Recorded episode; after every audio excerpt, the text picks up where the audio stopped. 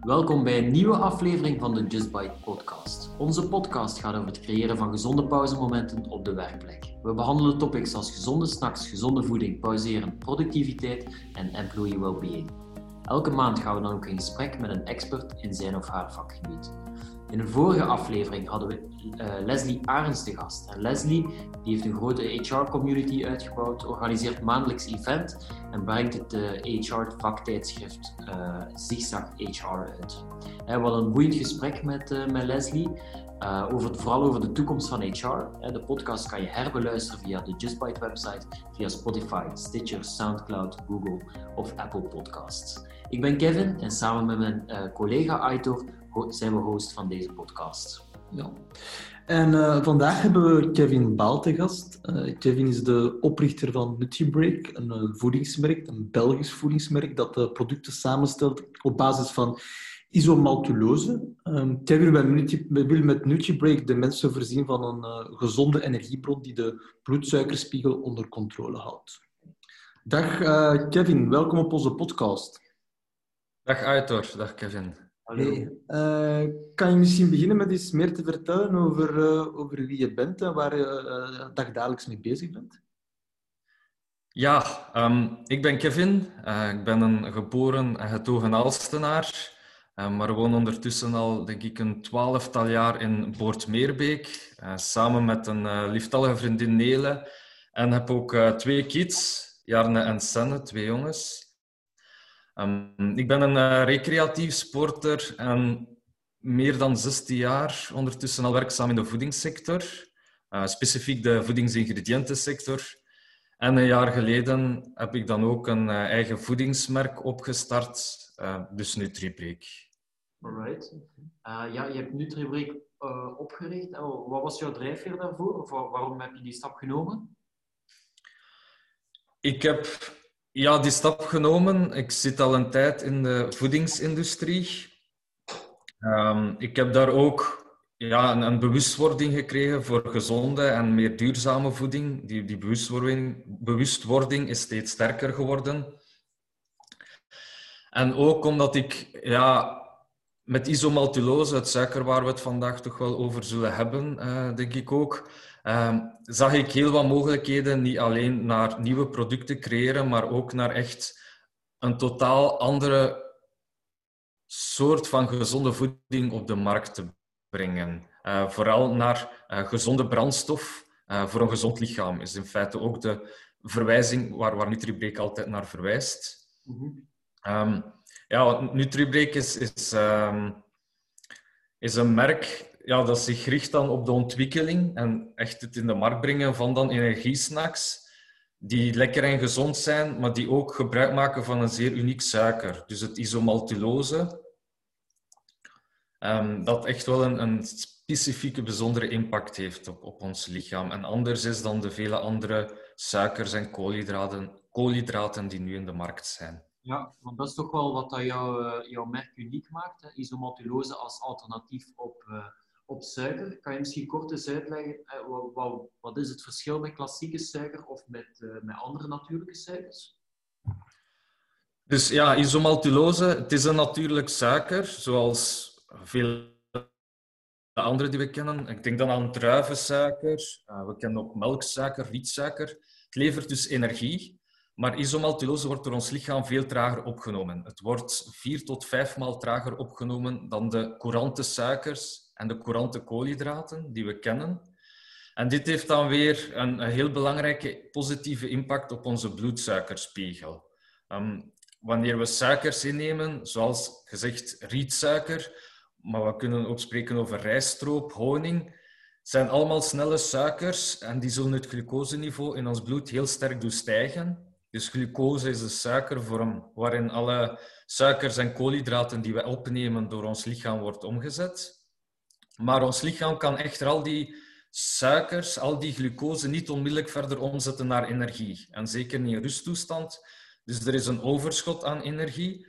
En ons lichaam zal dit glucose dus omzetten in vet. Dat is een eerste effect bij snelle suikers. Een tweede effect is dat na die piek we dan weer een sterke terugval krijgen in ons bloedsuikerniveau, zelfs onder het normale niveau. En die ja, zogezegde of zogenaamde suikerdip of energiedip. Die zal die zich dan uiten in fysieke vermoeidheid, maar je kan ook concentratieverlies hebben. Je hebt dan opnieuw ehm, honger. Uh, honger. Je hebt dus hongeraanvallen.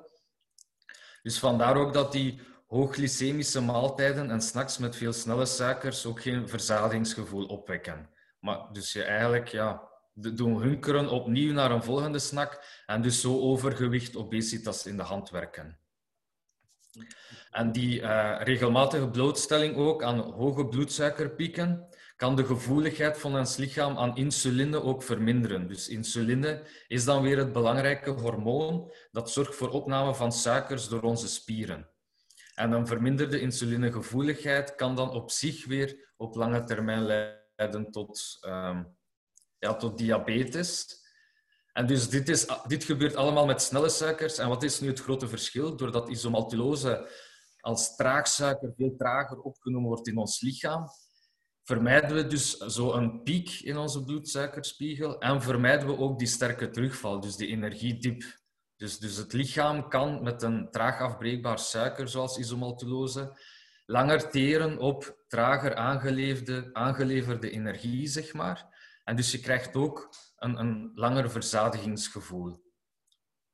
Dus dat is toch wel een belangrijk effect. En daarnaast, door het vermijden opnieuw van die piek, zal er geen opslag zijn van vet in ons lichaam uit die overtollige energie. En we stimuleren zelfs vetafbraak, um, waardoor we op zich, wat dan misschien raar klinkt, maar door te kiezen voor een ander suiker en, en een verzadigingsgevoel creëren, op zich op het einde minder koolhydraten innemen.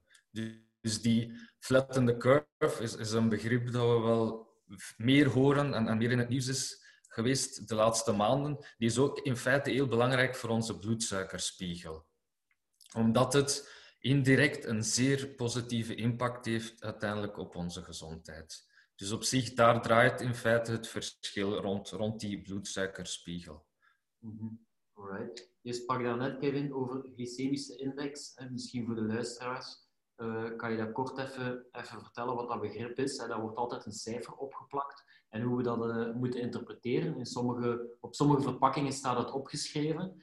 Uh, andere niet. Ja. Als de gebruiker dat leest, wat is dat juist, die, die glycemische index? Um, ja, ik sprak over de bloedsuikerspiegel. Uh, dus de, de glucose, uh, de hoeveelheid glucose die aanwezig is in het bloed. Dus na een koolhydraatrijke maaltijd zullen de koolhydraten door ons lichaam in, worden omgezet in um, glucose dat terechtkomt in het bloed.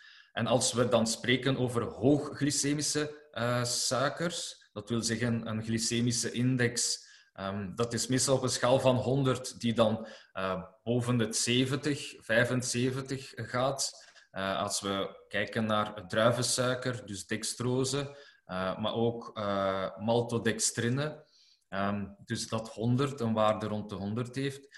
Dus die um, hoge glycemische index betekent dat er heel snel heel veel glucose in ons bloed terechtkomt. Um, als we een lagere glycemische index, een, lager, een suiker innemen zeg maar, met een lagere glycemische index, het ja, zeg maar heel extreme geval zijn polyolen, zoals maltitol, sorbitol, die wel in uh, voedingsmiddelen te vinden zijn, waar meestal op het label staat zonder toegevoegde suiker. Die hebben echt een heel laag glycemische index. We spreken over ja, 15, 20 op een schaal van 100. Dus die zorgen eigenlijk nagenoeg voor geen enkele stijging van de bloedsuikerspiegel. Poliolen worden ook door ons lichaam op zich niet volledig verteerd. Dus er komt heel weinig glucose in ons bloed en je krijgt dus een, een eh, veel mindere stijging van het uh, bloedglucoseniveau. Mm -hmm. Wil dat zeggen, de maltilol die, uh, die je vernoemt, dat is, wordt veelal gebruikt als alternatief op suiker. En dan zie je inderdaad op de verpakking staan van er zit geen suiker in, maar wel een vorm van zoetstof. Is dat dan een, een veel beter alternatief? Ja, op, het is natuurlijk altijd, um, je moet bekijken wat is uh, de bedoeling uh, dat je bijvoorbeeld een voedingsproduct ontwikkelt en uiteindelijk consumeert uh, met poliolen. Poliolen zorgen ervoor dat de calorieinhoud van het voedingsproduct op zich lager ligt. Dus natuurlijk, om je calorieinname um, te beperken, vormen poliolen dan vooral in dieetproducten heel interessante suikeralternatieven. Ik spreek hier echt over alternatieven, omdat ze totaal anders uh, verteerd worden dan suikers. Uh, dus voor de calorieinname te verminderen is dat natuurlijk een interessante piste. De andere kant natuurlijk, poliolen zijn enerzijds veelal um, het zijn additieven, maar ook kunstmatige additieven, uh, waarbij het proces waarbij poliolen gemaakt worden geen natuurlijk proces is. Dat moet toch wel in het achterhoofd gehouden worden. En daarboven hebben poliolen het, de heel negatieve bijwerking dat ze zeer laxatief kunnen werken. Um, dus als je uh, suiker is soms toch wel in een um, grotere hoeveelheid aanwezig in een voedingsproduct, als je die allemaal vervangt door poliolen, uh, dan zal je wel ja, in, in zekere zin uh, last hebben van de stoelgang onder meer, want het is toch wel heel laxatief. En daarboven ook heeft het natuurlijk, dit is minder um, ja, bewezen, zeg maar, of, of, maar het heeft toch wel ook een min of meer negatieve impact op de darmflora, zeg maar. Uh, waarbij toch de, de bacteriën, de goede bacteriën in de darm die je toch nodig hebt, niet zozeer stimuleert. Um, Dus dat zijn toch uh, zaken die je in het achterhoofd moet houden uh, bij de keuze bij poliolen. Ja, alright. Nu, we hebben het heel vaak uh, al een paar keer gehad inderdaad over de suikers. Hè. Suikers vallen in de groep van de, uh, van de koolhydraten, in de groep mm -hmm. van de. Uh, heel veel mensen kijken heel hard naar, hè, er zitten heel veel koolhydraten of heel veel suikers in de voeding. Dus dat is per definitie niet, per definitie niet oké. Okay. dat schrikt de mensen af. Kan je misschien kort vertellen hoe dat mensen dergelijke waardes, hè, enerzijds de koolhydraten, anderzijds de suikers, best kunnen interpreteren als ze dat lezen op, op, uh, op voedingsetiketten? Ja, dat is op zich, eh, zeggen, de hoeveelheid koolhydraten en suikers in ons dieet zegt op zich weinig. Als we niet kijken naar de kwaliteit van de suikers en naar ook onze eigen energiebehoeften. Um, de kwaliteit van koolhydraten en suikers heeft te maken natuurlijk met impact op onze bloedsuikerspiegel. Dus zoals we al besproken hadden, dus enerzijds hebben we de groep van laagglycemische, traag afbreekbare suikers, zoals isomaltulose. Dus echt nog een suiker dat wel een positieve impact heeft op onze bloedsuikerspiegel. En uh, die we kunnen beschouwen dan als een bron, een gezonde bron van energie, ongeacht het voedingsproduct uh, waarin het aanwezig is. Daarnaast hebben we dan ook die hoogglycemische koolhydraten, suikers. Um, maar die hoogglycemische suikers die kunnen toch een laag glycemische impact hebben op onze bloedsuikerspiegel en ook een gezonde bron zijn uh, van energie. Uh, laat ik me even verduidelijken, misschien mijn voorbeeld. Uh, rijst bijvoorbeeld bevat hoogglycemische koolhydraten. In rijst hebben we zuidmeel, maltodextrines. Die worden heel gemakkelijk door ons lichaam afgebroken en opgenomen en leiden dus tot een sterke stijging van de bloedsuikerspiegel. Maar haver bijvoorbeeld bevat ook die hoge glycemische koolhydraten. Maar, ze, maar haver bevat ook een grote portie onoplosbare voedingsvezels. En die voedingsvezels zorgen ervoor, in feite, dat die aanwezige koolhydraten in haver uiteindelijk veel trager worden opgenomen in onze darmen en dus toch een lagere stijging veroorzaken van onze bloedsuikerspiegel. Dus vandaar dat het ook belangrijk is, naast de kwaliteit van de suikers, ook Ehm, het belang dan van wat zit er nog in die voedingsmatrix, uh, bijvoorbeeld vezelrijke voeding, zal ervoor zorgen dat dan, ook al is het suiker dan op zich misschien hoogglycemisch, toch uiteindelijk er een laag glycemisch effect zal zijn.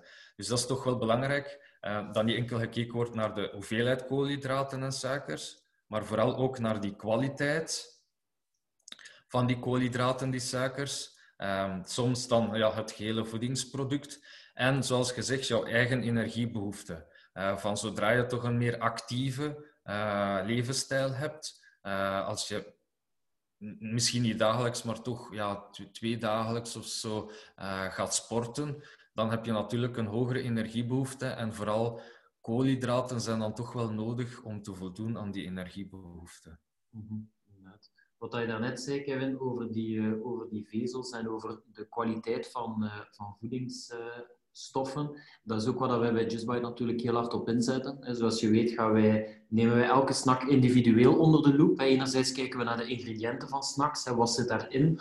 Um, en anderzijds kijken we naar uh, de Nutri-score of de Nutri-info. Um, en als we zien van inderdaad, een snack is bijvoorbeeld relatief hoog hoeveelheid suikers, dan kijken we inderdaad ook naar uh, wat zit erin van ingrediënten en zit daar voldoende, uh, zijn daar voldoende vezels uh, die daarbij komen kijken. Net ja. om te zien het principe dat jij aanhaalt, um, dat de energie dan traag wordt afgegeven door het lichaam. Dus, dus dat is waar wij heel hard op letten bij de selectie. Fantastisch. Dankjewel voor de toelichting, zeer helder. Je sprak daarnet over de koolhydraten, dat zijn onze energieleveranciers. We gaan misschien een heel een klein trapje omhoog. Hè. We hebben drie voedingsstoffen die ons lichaam voorzien van de nodige energie. We hebben de koolhydraten, hè, de voornaamste, we hebben de vetten. En, en ja, uiteindelijk de eiwitten, die ook voor energie kunnen zorgen. Maar als dat de energiebron is voor ons lichaam, dan zijn we al een stapje te ver. En dan zijn we bezig met spierafbraak. Maar kan je misschien voor de luisteraars kort vertellen van, hè, we hebben die koolhydraten, vetten, eiwitten. Hoe verhouden ze die tot elkaar? Hè? Hoe geven ze energie? En hoe kan je die best gaan opnemen in een, in een klassiek dieet? Ja, jazeker. Um, ja, zoals je zegt, drie belangrijke groepen uh, van, van macronutriënten worden ze dan genoemd. Uh, naast in feite water. Water wordt ook wat aanzien als die, het, het vierde macronutriënt. Maar zoals je zegt, Kevin, eiwitten, dat zijn dan echt wel de bouwstenen van ons lichaam. Um, je vernoemde onder omstandigheden, bepaalde omstandigheden van energietekort, zal ons lichaam ook wel energie halen uit eiwitten, maar dit is een enorm um, inefficiënt proces uh, en leidt ook tot echt spierafbraak. Dus dat is zeker niet gewenst. Dus dan hebben we toch eerder de koolhydraten en de vetten als energiebronnen. Um, vet is, is er op zich voldoende aanwezig in ons lichaam. Um, gemiddeld ruim ja, 10 kilogram, soms zelfs meer bij een volwassen een man, uh, een volwassen vrouw. Dus wat overeenkomt met meer dan 90.000 kilocalorieën. Dus als je weet dat we dagelijks nood hebben aan ja, 2000, 3000 kilocalorieën, natuurlijk sterk afhankelijk van, van uh, soms ja, genetica, uh, de activiteit, de dagelijkse activiteit. Maar ja, dan, dan is de rekensom natuurlijk snel gemaakt dat je op zich wel een heel grote vetreserve hebt. Naast dus de vetten hebben we dan de koolhydraten. Uh, die zijn in ons lichaam aanwezig onder de vorm van een, ja, een specifiek type koolhydraat, glycogeen. Um, is aanwezig in spieren en in de lever, maar hiervan is dan slechts 500, 700 gram gemiddeld aanwezig. Uh, dus toch wel veel minder, uh, vergelijkbaar met vet. En ook ruimschoots onvoldoende, om dan vooral bij fysieke activiteit, als we spreken toch over meer intensieve activiteiten, um, voldoende te voorzien in de energiebehoeften. Um, glycogeen wordt ook ja, veel sneller omgezet tot energie in vergelijking met vet. En dus bij de fysieke activiteit met hogere intensiteit kan ons lichaam toch ook wel onvoldoende snel energie halen uit vetten alleen en hebben we dus echt wel die glycogeenreserve nodig. Uh, doordat er minder aanwezig is, is het dan ook belangrijk bij fysieke activiteiten om dan uh, ja, bijkomende suikeropname te voorzien. Um, omdat je met ja, vet alleen uh, misschien wel heel rustig kan wandelen, maar als je dan toch begint te, te lopen, dan heb je nog wel wat bijkomende suikers nodig. Hm. En ja, ook niet te vergeten, glucose is de primaire energiebron voor onze hersenen. Dus vandaar ook dat bijvoorbeeld zo een glucosedip of suikerdip ja, ook impact heeft op ons concentratievermogen. Dus daarom ook is toch aanwezigheid van glycogeen of, of toen, opname uh, van suikers belangrijk. Mhm. Ja, dus inderdaad, koolhydraten nog altijd onze voornaamste energieleverancier. Als ik het goed ja, ja, ja ja, en het is een, een uh, wat een, uh, vooral voor, voor sporters, maar ook dagdagelijks moet je door, op zich, doordat je um, bijvoorbeeld zoals isomaltulose of ook voedingsproducten, zoals je zegt, die vezelrijk zijn, um, als je zorgt dat je koolhydraten opneemt, maar je bloedsuikerspiegel geen, geen pieken vertoont, zorg je er in feite onbewust voor dat je tijdens dat je um, koolhydraten opneemt, dat je nog steeds vet verbrandt.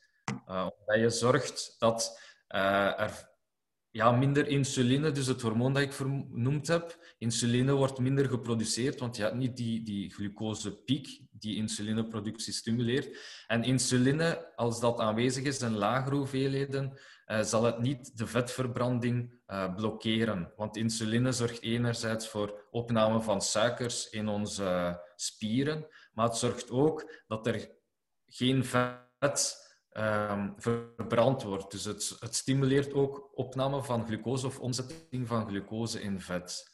Dus door dus die bloedsuikerspiegel lager te houden of meer constant doorheen de dag, uh, door ja, uh, verstandig te snacken, zeg maar, uh, kan je op zich zorgen dat je ook een hogere vetverbranding krijgt. Um, je bent waarschijnlijk wel gekend met het, het, keto-dieet, het ketogene dieet, waar eigenlijk er proberen geprobeerd zo weinig mogelijk suikers en koolhydraten in te nemen, zodat de, ja, lichaam een andere brandstof gaat maken hè, eh, op basis van ketonen. Uh, hoe staat je daar tegenover? Um, ja, dat is al een, een moeilijke. Uh, op zich is het... Ja, ik heb er al natuurlijk qua ervaring kom ik er minder in aanraking mee. Um, ik ken wel de achtergrond en onderzoeken, vooral onderzoeken gelinkt eerder naar impact van ketogeen dieet op sportprestaties. Dus als we spreken over sportprestaties, is de impact um, onduidelijk. Dus er zijn zowel wetenschappelijke artikels zeg maar, of bevindingen naar een positieve impact, maar er zijn er evenzeer naar een geen impact tot een negatieve impact. Nu, het ketogeen dieet is vooral gebaseerd ja, dat je uh, de koolhydraten algemeen, zij het koolhydraten of suikers, zeer sterk beperkt.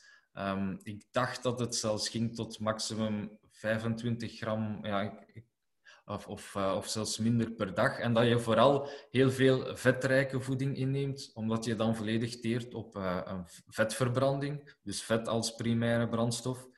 En dat je ook het, de aanmaak van ketonen stimuleert. Uh, dat dan ook een brandstof is voor de hersenen. Um, nu zelf uh, denk ik niet dat het nodig is om gezond door het leven te gaan en uh, een, een, gezonde voeding, zeg maar, een, een gezond dieet samen te stellen door zo extreem te gaan. waarom gaat men zo extreem? En dat is dan een persoonlijke mening. Denk ik vooral omdat men nog veel te weinig inzicht heeft in het volledige koolhydraatverhaal en suikerverhaal. Men gaat in de media, en dus ook misschien een drijfveer waarom ik met isomaltulose um, als suiker ook een merk heb opgericht om in de markt te gaan. Men gaat in de media heel sterk focussen op geen toegevoegde suikers, uh, lightproducten, uh, suikers zijn heel slecht. Um, zonder daar eigenlijk op in te gaan dat je verschillen hebt binnen de suikers dat je ook nog eens verschillen hebt welke suikers in welke voedingsproducten zitten, zoals terug die uh, hogere gehaltes aan vezel, vezelrijke voeding. Ook eiwitrijke voeding heeft een impact op uh, um, verzadiging, op, op, op uh, koolhydraatinname. Dus men, men stelt het, men gaat heel sterk suikers verbannen, zonder daar even bij stil te staan. Ja, de, de, achtergrond. Hoe hebben suikers, koolhydraten algemeen impact op ons lichaam? En men gaat dan heel sterk grijpen natuurlijk. En dat is dus mensen naar een, een extreem dieet zoals een ketogeen dieet. Uh, dus persoonlijk zou ik het niet promoten en denk ik dat, er, dat het niet nodig is om zo extreem te gaan om uiteindelijk een, een uh, gezond voedingsdieet te volgen met een gezonde impact op, op lichaam en geest. Ja, nee, nee, dat is um, ook een beetje onze filosofie. Hè, want de basiswaarde die we destijds bij Just Bite hebben opgericht, de nummer één waarde is eigenlijk balans. Balans is iets dat we zoeken in alles wat we doen en dat gaat reikt veel verder dan voeding alleen. Je kan dat gerust ja. op onze website uh, bekijken. Maar um, we geloven ook in extreme diëten. We geloven inderdaad in een gezond gebalanceerd dieet, waar elk voedingsstof wel in een bepaalde mate aanwezig kan zijn, maar altijd in functie van inderdaad je genetica, in functie van uh, hoe actief je bent, in functie van of je bepaalde aandoeningen hebt of niet. Uh, en een beetje met een gezond verstand um, de dingen gaan consumeren en gebruiken. Um, dat is denk ik ook voor veel mensen die naar extreme diëten grijpen, is vaak ook gerelateerd om, om af te vallen. Soms is het ook voor medische aandoeningen en kan ook perfect een dieet zijn die, die perfect uh, kan werken voor bepaalde individuen. Maar -hmm. uh, uit eigen ervaring spreek ik ook dat de extreme diëten moeilijk uh, houdbaar zijn op langere termijn. En vaak ook met de foute instelling aan begonnen wordt voor, voor af te vallen, terwijl men eigenlijk gewoon vooral gezond moet leven om zich beter te voelen, energierijker te voelen en ook ter preventie van, van mogelijke aandoeningen die we in de toekomst gaan hebben.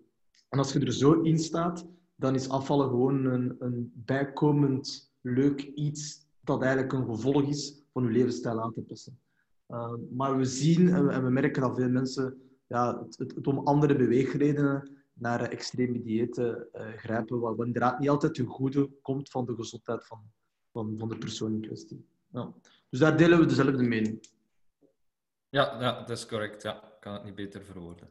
Daarnet, Kevin, uh, sprak inderdaad, hè, enerzijds zeg je met uh, Nutribreak hè, op de, de gezonde tussendoortjes, maar je hebt ook een, uh, aanbod specifiek voor, uh, voor sporters. In een vorige aflevering hadden we de Dirk Balus te gast. Ik weet niet of je hem beluisterd hebt, maar Dirk is ex-top-triatleet en oprichter, oprichter van het sportvoedingsmerk Innerme. En dat staat voor natuurlijke, plantaardige en biologische sportvoeding. je kent ze ongetwijfeld, hè, maar hoe, hoe sta jij tegenover tegenover de klassieke sportvoeding. Hè? Want je, hebt daar, je bent daar nu mee met een alternatief op de markt gekomen. Um, had je ook het gevoel dat daar nood was aan, uh, aan iets nieuws? Ja, um, ja de sportvoedingsmerken, uh, de klassieke sportvoeding. Ja, zoals je zei, Nutribreak. We hebben enerzijds die, die notenrepen, nuts and seeds. Dus dat we echt wel naar ja, energiesnacks, snacking richten. En dan zowel het poeder, het isomaltulose in poedervorm, kan gebruikt worden echt voor, voor sporters tijdens het sporten. En dan hebben we ook nog uh, fruitrepen um, die opgebouwd zijn ja, uit een combinatie van snelle en traag afbreekbare suikers. Dus, dus enerzijds glucose en anderzijds isomaltulose. En die fruitrepen ja, die zijn inderdaad echt wel gericht uh, om ja, te gebruiken tijdens het sporten, voor en tijdens het sporten. Um, ja, zoals je zegt, Kevin, er zijn al heel wat sportvoedingsmerken in de markt. Um, je hebt er, zoals je vernoemt, ja, sommige die dan toch wel heel specifiek naar plantaardig of, of biologisch uh, zich focussen en, en, ja, die er dan een beetje buiten vallen. Maar als je echt kijkt naar die klassieke sportvoedingsmerken, um, het is met Nutribreak nooit de intentie in feite om zo'n volledig gamma te ontwikkelen, want die gaan ook wel echt heel breed. Poeders, shakes, repen, uh, gels um, uh, en nog vele andere.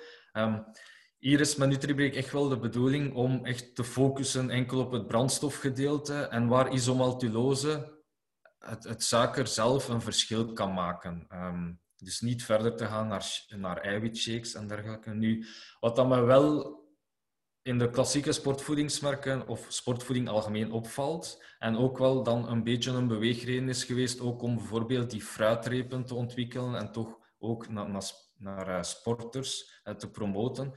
Is dat ja, veel merken in de sportvoeding is het toch nog steeds dat ze smaak meestal ondergeschikt vinden.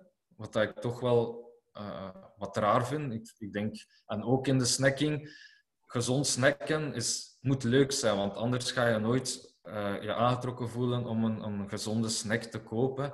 En de sportvoeding lijkt het me ook veel leuker dat je kan genieten soms van een, een reep die echt lekker smaakt, dan dat je meer maaglast krijgt en dergelijke. Dus dat vind ik toch wel uh, wat, wat bizar soms. Ik, ik heb ook gemerkt, en daarom dat ik er ook nooit volledig zal ingaan, is dat het ook sterk steunt op emotie. Um, Natuurlijk dat je, bijvoorbeeld in de wielersport, dat sportvoedingsmerken zich dan door zware sponsoring linken aan wielrenners of wielerploegen. Ja, en dan zo eigenlijk in feite recreatieve sporters aansporen om ja, producten te kopen, te nemen die misschien totaal zinloos voor hun zijn. Uh, en dan natuurlijk dat blinde geloof in snelle suikers. Um, ja, tot, tot heden, zowel in duursport um, is, is echt wel de klassieke opvatting nog steeds om zoveel mogelijk suikers op te nemen per uur. Terwijl er toch wel toenemend bewijs is dat traag afbreekbare suikers, zoals isomaltulose, zorgen voor die verhoogde vetafbraak en dat je eigenlijk meer optimaal gebruik ook maakt van je aanwezige energiereserves die je op zich hebt. Uh, want uiteindelijk, uh, door snelle suikers continu en zoveel mogelijk op te nemen, naast de maag- en darmlast die je waarschijnlijk krijgt, zal je ook wel het, het vetmetabolisme of de afbraak van vet uh, onderdrukken. En zal je echt volledig teren op die suikers. Dus enerzijds, en ook op zich bij in die klassieke sportvoeding, uh, men heeft een heel breed gamma, maar dat gamma uh, gaat men dan ook dan weer um, echt promoten naar alle type sporters. Dus zowel een duursporter, um, een, een wielrenner, maar ook naar een voetballer bijvoorbeeld. Wat dan weer toch wat bizar is, omdat de dynamiek, zoals je weet natuurlijk, in een voetbalwedstrijd is totaal verschillend. Je hebt heel intensief, dan laag intensieve bewegingen. Um, dus continue variatie in die intensiteit. En dan heb je ook enkel maar specifieke periodes waar je ja, de voeding of, of een drank uh, kan consumeren in een wielerwedstrijd op zich. Of als je uh, een triatleet, die heeft ook genoeg tijd tijdens het lopen, het, het wielrennen, om um, suikers op te nemen wanneer hij het wenst. Hier is dat enkel dan opwarming, rust. Dus snelle suikers, die zullen ervoor zorgen, en dat is dan een fenomeen dat we weer zien in de tweede helft. Iedereen weet wel dat er in de tweede helft, is ook statistisch onderbouwd, meer doelpunten vallen in het begin van een, van een tweede helft en op het einde van een wedstrijd. En dat in feite snelle suikers daar wel een zekere impact op hebben, omdat die ja, die, die, het concentratieverlies meer vermoeid is ook weer gelinkt aan die suikerdip. Dus die suikerdip, die glucosedip, komt voor uh, wanneer je echt snelle suikers tijdens de rust opneemt. Is er een suikerdip merkbaar net na de rust en ook op het einde van de wedstrijd zijn alle suikers op zich uh, geconsumeerd. Dus dan is het een, vind ik het soms wat bizar dat dan dezelfde producten aangeboden worden voor verschillende typen sporten. En ik, ja, ik concentreer me nu maar op de twee populairste in, in België. Maar dus ja, elke sport heeft toch zijn eigen specifieke noden. Um, en dan vind ik het wel uh, leuk om toch sommige merken te zien die dan uh, buiten die klassieke sportvoeding dan zeer specifiek focussen op ja, bepaalde sporten of op uh, sporters die dan bijvoorbeeld enkel gaan naar biologische producten of, of plantaardige producten. Ja, inderdaad. Dus vooral kijken naar inderdaad welke sport beoefen je en welke voeding kan je nuttigen in functie daarvan. Uh, ja. Ben ook inderdaad uh, zeer fanatiek sporter. Op dit moment een heel klein beetje minder door de drukte met, uh, met Just Bite. maar bij mij, ik hanteer vooral gezonde, natuurlijke voeding doorheen de dag. en, en ook natuurlijke voeding uh, op de fiets en op trainingen. En enkel specifiek uh, in voorbereiding van wedstrijden en op wedstrijden zelf, dan ga ik, uh, ga ik iets meer kijken naar, naar de repen en dergelijke die op de markt beschikbaar zijn. Maar los daarvan heeft, heeft natuurlijke voeding bij mij altijd geprimeerd en, en met de nodige resultaten van dien. Dus, dus ik kan het inderdaad iedereen aanmoedigen. En als je dan toch repen en gelletjes zou nemen, inderdaad, dan, dan kan je beter kijken naar het product die jij aanbiedt hè, met trage suikers. Uh, zeker in duursport, hè, of inderdaad uh, natuurlijke en plantaardige uh, voeding. Dus daar kan ik mij in, in vinden. Ja. En het is, ja. Ja. Nou, het, is, het, is, een beetje zoals je zelf aanhaalt. Het is, um, elke snack is, is per individu afhankelijk. Okay, ook in ons aanbod, we hebben meer dan 200 tussendoortjes van meer dan 50 merken. Maar niet elk tussendoortje uh, van elk merk gaan wij uh, selecteren. Dus dat is heel afhankelijk van, van wat er juist allemaal in zit. Um, maar we hebben een gevarieerd aanbod, dus voor ieder elk wat wils. Maar uh, het is inderdaad het, het, punt van, je moet kijken naar hoe, wie, wie zijt je als individu, hoe actief zijt gaan bewegen en moet je tussendoortjes ook een beetje gaan kiezen in functie van, van, van persoonlijkheid. En dat is, dat is iets dat we soms wel horen bij bepaalde klanten, dat ze vooral kijken naar ja, hoeveel calorieën zitten erin of hoeveel koolhydraten, maar ze veel te weinig kijken naar ja, wie zijt je nu als persoon en wat gaat je echt consumeren. En, en, in functie daarvan vertrekken van wat is nu voor mij juist de geschikte snack of tussendoortje. Ja, plus inderdaad blind staren op die koolhydraten. Hè. Wat we daarnet al zeiden, gekoppeld aan vezels is dat, uh, is dat veelal perfect, uh, perfect oké, zodat die energie traag wordt afgegeven. Dus er zijn nog wel wat, uh, wat zaken die we de wereld proberen uit te helpen, hè, stap per stap. Maar dat is work in progress. Daarnet, uh, Kevin, sprak je over uh, ja, gezond en verstandig snakken. Kan je misschien kort eventjes ook vertellen wat, Wat houdt dat voor jou in? Hè? Dan specifiek misschien eerder naar de mensen die net iets minder actief zijn, hè? die vooral op, Mhm. eh, op, op bureau zitten. Ehm, ja, gezond snacken. Voor mij betekent dat ehm, ja, een lekker tussendoortje. Ja, ik vind sowieso, ja, het moet lekker zijn. Eh, gezond snakken, omdat ik, denk vooral omdat ik zelf ja, een, een 16 jaar, jaar al in de voedingsindustrie zit. Eh, vooral toen ik begon, was toch gezond stond in veelal gelijk aan, toch niet zo lekker. eh, wat, ja, als je gezond begint te eten. Dus ik vind, en er zijn genoeg voorbeelden, dus gezond snakken, het blijft een lekker tussendoortje. Eh, voor mij is het vooral ook die energievoorziening. Ik moet echt zorgen dat ik zonder hongergevoel tot de volgende maaltijd kan doorkomen. Uh, dus het moet verzadigend werken. Natuurlijk, ik heb dan het voordeel door zelf in de voedingswereld te zitten, uh, een, een, voedingsachtergrond te hebben, dat, ja, gezond, dat het een gezonde dosis vezels en eiwitten moet bevatten. Dus ik kijk toch wel, als ik een snack, het vezelgehalte, het eiwitgehalte. En voor mij is ook, snacks moeten um, ja, puur zijn, dus simpele ingrediënten. Dus geen bijkomende smaakstoffen, kleurstoffen. Bijvoorbeeld als ik een notenreep eet en in die noten uh, zitten amandelen, hazelnoten, dan wil ik amandelen en hazelnoten smaken en dan wil ik geen uh, vanille smaken of, of andere. Ja. Dus ik wil wel dat het uh, een, een, pure snack is, dus waarvoor, als, ja, waarvoor het staat, wat, op het, wat er op het label staat of de afbeelding, dat wil ik ook terugvinden in de snack. Ja, puur van smaak en puur van, van ingrediënten. Ja, inderdaad wat je met jouw tussendoortjes uh, hebt gedaan. Hè. Je hebt producten op de markt gebracht op basis van pitten, uh, noten en zaden, en sesamzaad en, en lijnzaad. Hoe ben je op die samenstelling gekomen, Kevin?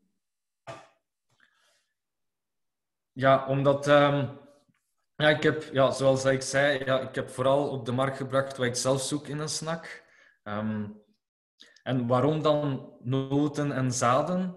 Enerzijds omdat ja, isomaltulose zie ik als een gezonde koolhydraatbron, um, een gezonde energiebron. Nu, het, het, overige in de snack moet ook gezond zijn. En ik denk noten en zaden, uh, dat daar toch wel een bewezen impact is op onze gezondheid door ja, vezelrijk, het is eiwitrijk. Oké, okay, sommigen hebben een hoger gehalte aan vetten, maar het zijn dan vooral onverzadigde vetten. Uh, er zitten ook ja, soms bepaalde mineralen in, zoals magnesium in hoge hoeveelheid. En vooral ook belangrijk, we eten er gewoon te weinig van. Uh, het is gewoon zo uh, dat terwijl de richtlijn een handvol noten, zaden per dag is, en dan spreken we over ja, een vijftiental gram, dat we met moeite aan, aan 4, 5 gram komen per dag. Dus we eten ook gewoon te weinig van die voedingsgroep noten, zaden. Um, en vandaar ook dat ja, met de eerste reep uh, die ik nu op de markt bracht en ook met de volgende, dat er ook wel de focus ligt op die combinatie dan van een isomaltulose met dan uh, noten en repen en zaden. Mm-hmm. Oké, uh, bedankt Kevin. interessant. We, naderen eigenlijk het einde van de, van de podcast. Um, dus alleen nog een allerlaatste vraag. Uh, is er nog, als er nog één ding is dat je aan de luisteraar zou willen meegeven als boodschap, wat zou dat dan zijn? Ik denk, als, als ik uh, zo even nadenk, echt de boodschap. Um, het is natuurlijk niet zo evident, maar om uh, wat kritisch te zijn als het rond voeding gaat, ja, omdat we veel, en dat is op zich voor alle producten, die, die mooie klinkende reclamepraatjes, die ja, heel kleurrijke verpakkingen soms, heel leuke verpakkingen, spreken op emotie, maar we spreken toch over voeding om toch wel misschien meer kritisch te zijn en wat tijd te investeren in het zoeken naar informatie over voeding. Um, en dat hoeft niet op het internet te zijn. Dat is uh, denk ik ook wel soms heel moeilijk. Er is heel wat informatie. Maar gewoon aan ja, een vriend, een kennis of een familielid of een collega die wat meer voeling heeft met voeding. Of die misschien door zijn studies of job of ervaringen een achtergrond heeft in voeding. Om daar misschien meer aan te vragen naar informatie over voeding. Omdat ja, we eten en drinken elke dag. Voeding heeft een, ja, een enorme impact op onze gezondheid, op onze gemoedstoestand, als sporter op de fysieke prestaties. We kunnen op zich niet overleven. Dus denk ik altijd dat het toch wel niet veel moeite is om wat kostbare tijd te besteden aan het begrijpen van voeding, omdat die investering, die tijdsinvestering, denk ik, zich sowieso terugbetaalt. Dus niet zomaar alles aannemen, maar investeer gewoon wat meer tijd in het achterhalen of achtergrondinformatie zoeken van voeding. En er is altijd wel iemand in de buurt die wat meer weet over voeding. Dus... Ja, die kunnen we ons zeker in vinden, Kevin. Want het is inderdaad is een zeer complex gegeven. Enerzijds leveren wij de gezonde tussendoortjes uh, op de werkplek, maar anderzijds willen we onze klanten uh, ook informeren over alles wat te maken heeft met gezonde gewoontes en gezonde voeding. En als er iets is wat we doen, dan uh, ga je overal onze contactgegevens op, op terugvinden. Die staan op onze boxen, die staan op onze infokaartjes en dergelijke. Dus we moedigen onze klanten ook aan om, als er vragen of onduidelijkheden zijn, dan, dan kunnen ze ons altijd, altijd contacteren. En daar trachten we daar een heel gepast antwoord op te bieden. En dat is ook de tweede C wat we doen. Alles rond, rond communicatie. Enerzijds leveren de gezonde snacks. Dat is de eerste C2 is communicatie. Uh, dus alles wat te maken heeft met, de, met bewustwording en gedragsverandering rond, uh, rond gezonde gewoontes. En als derde hebben we ook uh, connectie, daar gaan we nu niet te veel over vertellen. Maar daar, daarmee proberen we het complexe gegeven iets toegankelijker te maken, specifiek voor, voor onze klanten. Dus uh, dankjewel voor de, voor de podcast, Kevin. Ik denk dat het zeer waardevol was. Ja. Ik denk wel dat de gebruiker er, of de, de luisteraar er zeker iets aan heeft. Ja, absoluut. Ik denk, bedankt voor, voor, de, voor de interessante informatie. En ehm, ja, succes alleszins met uh, Nutty Break. we hopen dat het nog verder succes mag worden.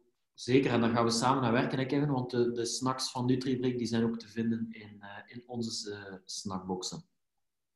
Ja, dat is uh, hopelijk binnenkort. En nee, dank jullie. En ik hoop ja, dat de luisteraars er iets aan hebben, of toch één inzicht meegepikt hebben rond koolhydraten en suikers. En dat is altijd dan mooi meegenomen. Dus, Oké. Okay.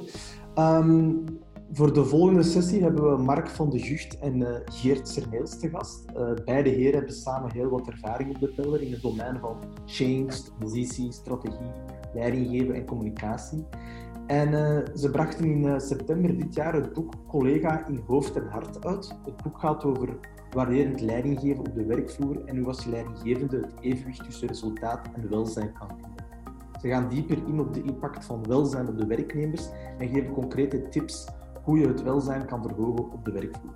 Als je vragen hebt voor Mark en Geert, mag je ons mailen op info.justbite.eu of ons bereiken via onze sociale media kanalen.